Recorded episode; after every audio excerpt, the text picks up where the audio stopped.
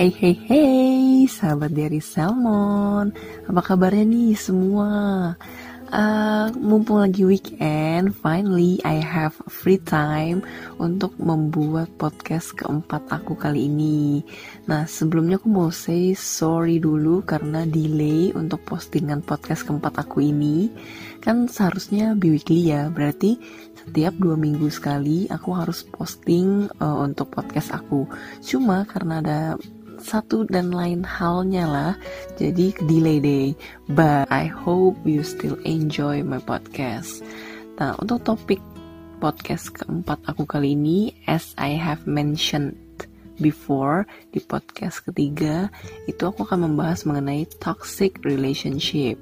Nah, di sini teman-teman udah pada tahu belum sih apa maksudnya toxic relationship itu sendiri? Toxic relationship atau hubungan beracun itu sebenarnya adalah istilah untuk menggambarkan suatu hubungan yang tidak sehat dan itu dapat berdampak buruk bagi keadaan fisik maupun mental seseorang atau kita sendiri. Nah, hubungannya itu sendiri sebenarnya tidak hanya terjadi di sepasang kekasih atau pasangan aja ya, tapi itu bisa terjadi juga di lingkungan teman, pekerjaan, bahkan di keluarga kita sendiri. Ini berikut tanda-tanda dari toxic relationship. Tapi nggak semuanya langsung dijudge sebagai toxic ya. Karena ada memang mungkin beberapa orang yang melakukan hal tersebut secara ekstra. Tapi kalau memang sudah keterlaluan, itu baru yang dinamakan toxic. Yang pertama, kita selalu merasa dikontrol oleh pasangan. Nah, gimana ciri-cirinya? Tanda yang paling jelas itu adalah salah satu pihak selalu mengontrol pihak lainnya. Jadi sebagai contoh nih, pasangan kita terlalu memaksakan kehendaknya terhadap hidup kita. Jadi semua diatur, semua diperintah. Kita tuh kayak boneka gitu ya. Semua harus persetujuan dari dia walaupun keinginan kita tuh sebenarnya A tapi yang dia mau tuh B jadi kita harus ikutin apa yang dia mau. Jadi kita harus berpindah ke yang B. Nah ujung-ujungnya e, mereka tuh akan bilangnya kayak gini ini yang gue lakukan semua tuh demi lo karena gue sayang sama lo etc dan itu semua mm, menurutku bukan tipikal pasangan yang baik ya. Jadi e, dalam berhidup pasangan itu sendiri kita tuh harus merasa free bebas walaupun kita punya pasangan tapi kita harus tetap punya pendirian kita sendiri. Jadi kalau kita udah sampai dikekang tidak disetujui uh, apa pun harus minta perizinan dia menurutku itu udah nggak bagus sih. Yang kedua kita tuh sulit menjadi diri kita sendiri. Karena kita terlalu sering dikontrol atau kita dikekang jadi kita tuh tidak pede untuk menjadi diri kita sendiri dalam hubungan itu. Bahkan kita tuh setiap kali mau berpendapat atau mau kasih masukan aja mungkin ya. Sampai berpikir berkali-kali karena kita tuh saking takutnya mau ucapin apa pun tuh jadi salah di mata dia. Kesannya tuh kita uh, egois lah kita tuh ngejek lah kita tuh nggak sportif lah ke dia.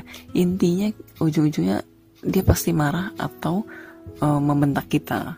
Yang ketiga kita tuh tidak pernah mendapatkan dukungan Nah, selayaknya hubungan yang sehat itu, kita kan selalu memberikan dukungan atau support lah satu sama lain ya. Cuma, kalau dalam toxic relationship ini, segala pencapaian itu dianggap kompetisi sama mereka. Jadi mereka tuh bisa jadi nggak senang melihat keberhasilan kita yang telah kita raih gitu. Adanya, mereka malah selalu mengkritik kita gitu. Yang keempat, kita tuh selalu dicurigai atau dikekang. Nah, sebenarnya kan rasa cemburu dalam suatu hubungan antara pasangan itu kan sebenarnya ya reaksi yang normal ya sebagai salah satu bentuk kepedulian, rasa sayang, rasa takut kehilangan. Cuma kalau misalnya dalam hubungan toksik, rasa cemburu ini tuh rasa jadi berlebihan dan pasangan tuh bisa aja melakukan hal-hal yang ekstrim sampai misalnya menyita handphonemu, melabrak orang yang dicemburui Hubungan juga dikatakan toksik itu saat pasangannya tuh sudah terlalu posesif. Jadi dia mau tahu segala sesuatu tentang kegiatan kamu sehari-hari dan akan marah kalau kamu tuh tidak segera menjawab pesan singkatnya atau teleponnya. Jadi juga hmm, beberapa tuh bisa terkadang melarang kamu untuk tidak memakai jenis pakaian tertentu yang mungkin bisa menarik perhatian orang lain, tapi mereka terlalu ekstrim. Misalnya, kalau peduli yang sesungguhnya itu jangan pakai yang pendek-pendek ya, nanti uh, diganggu sama orang jahat, misalnya contoh. Tapi kalau yang sudah toksik itu dia akan kamu mau pakai yang tertutup pun menurut dia itu salah karena bisa memancing orang lain untuk flirting ke kamu. Padahal tuh enggak itu semua tuh hanya di pikiran dia aja.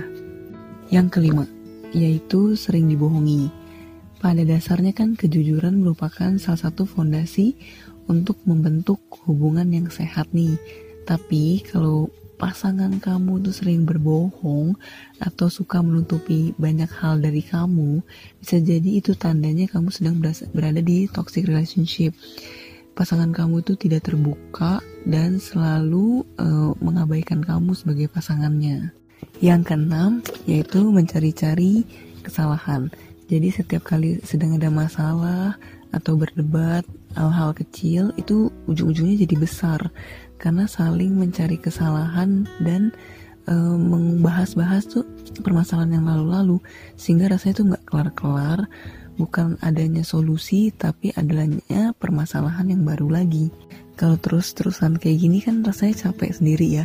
Masa hubungan tujuannya untuk berantem terus nah kalau udah kayak gini berarti hubungan kalian udah gak sehat nih gengs. Dan yang terakhir yang ketujuh yaitu adanya kekerasan dalam hubungan. Kekerasan sendiri itu juga udah menunjukkan banget nih kalau kalian tuh hubungannya udah gak sehat. Tapi yang perlu kalian ketahui Kekerasan itu bukan hanya fisik aja ya, tapi juga verbal dan menyerang mental kita. Jadi ketika pasangan kamu sudah berbicara dengan nada yang merendahkan kamu atau membuat kamu merasa tidak berharga, ngata-ngatain kamu dengan bahasa tidak layak, kebun binatang, mengecilkan rasa percaya diri kamu, itu juga sebuah kekerasan emosional. Jadi jika kekerasan yang pasangan kamu lakukan sudah pada taraf kekerasan fisik, maka itu hubungannya sudah sangat red flags banget ya jadi uh, tanda yang abusive di relationship hubungan yang seperti itu tuh udah nggak perlu lagi kalian pertahankan. Dari ketujuh tanda-tanda ini ini aku cuman summary aja ya.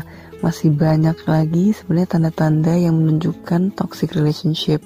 Kayak intinya kamu tuh dikendalikan kamu tuh diatur cemburu berlebihan, kamu sering dibohongi, dan apa pun permasalahan itu jadi rasanya tuh berhubungan capek bukannya happy.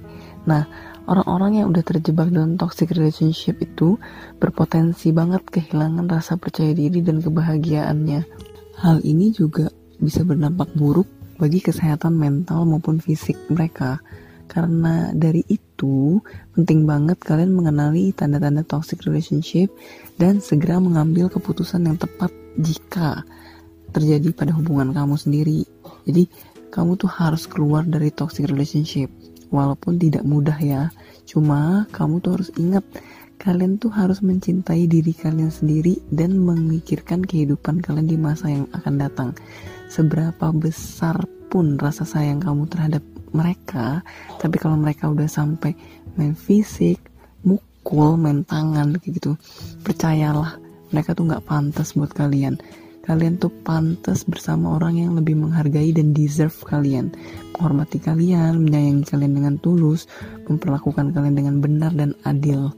Dan tapi kalau kalian terjebak dalam toxic relationship dan merasa kesulitan untuk keluar dari hubungan tersebut yang aku harap kalian bisa menemukan titik cerah dari kalian. Mencoba meminta bantuan orang lain yang kalian percayai misalnya kayak cerita curhat atau kalau memang sudah tingkat parah kalian perlu berkonsultasi mungkin dengan expert kayak psikolog gitu untuk mendapatkan saran yang terbaik untuk uh, mengatasi atau mengakhiri hubungan gak sehat ini. Gitu gengs. Pada intinya kita semua harus love ourselves jadi jangan sampai kita tuh nggak bahagia karena orang lain. Kita tuh diperlakukan yang tidak adil tidak baik oleh orang lain apalagi pasangan kita. Nah kali ini aku hanya bahas toxic relationship pada pasangan aja ya nggak sampai ke keluarga sampai ke lingkungan kerja. Sekian podcast keempat aku pada kali ini. Nah untuk podcast kelima aku akan stick to the plan jadi dari sekarang bi-weekly dua minggu lagi aku akan membahas uh, requestan dari temanku mengenai quarter life crisis jadi um, semoga aku bisa stick to the plan untuk upload podcast kelima aku. Thank you so much teman-teman dari Salmon. See you next on my podcast.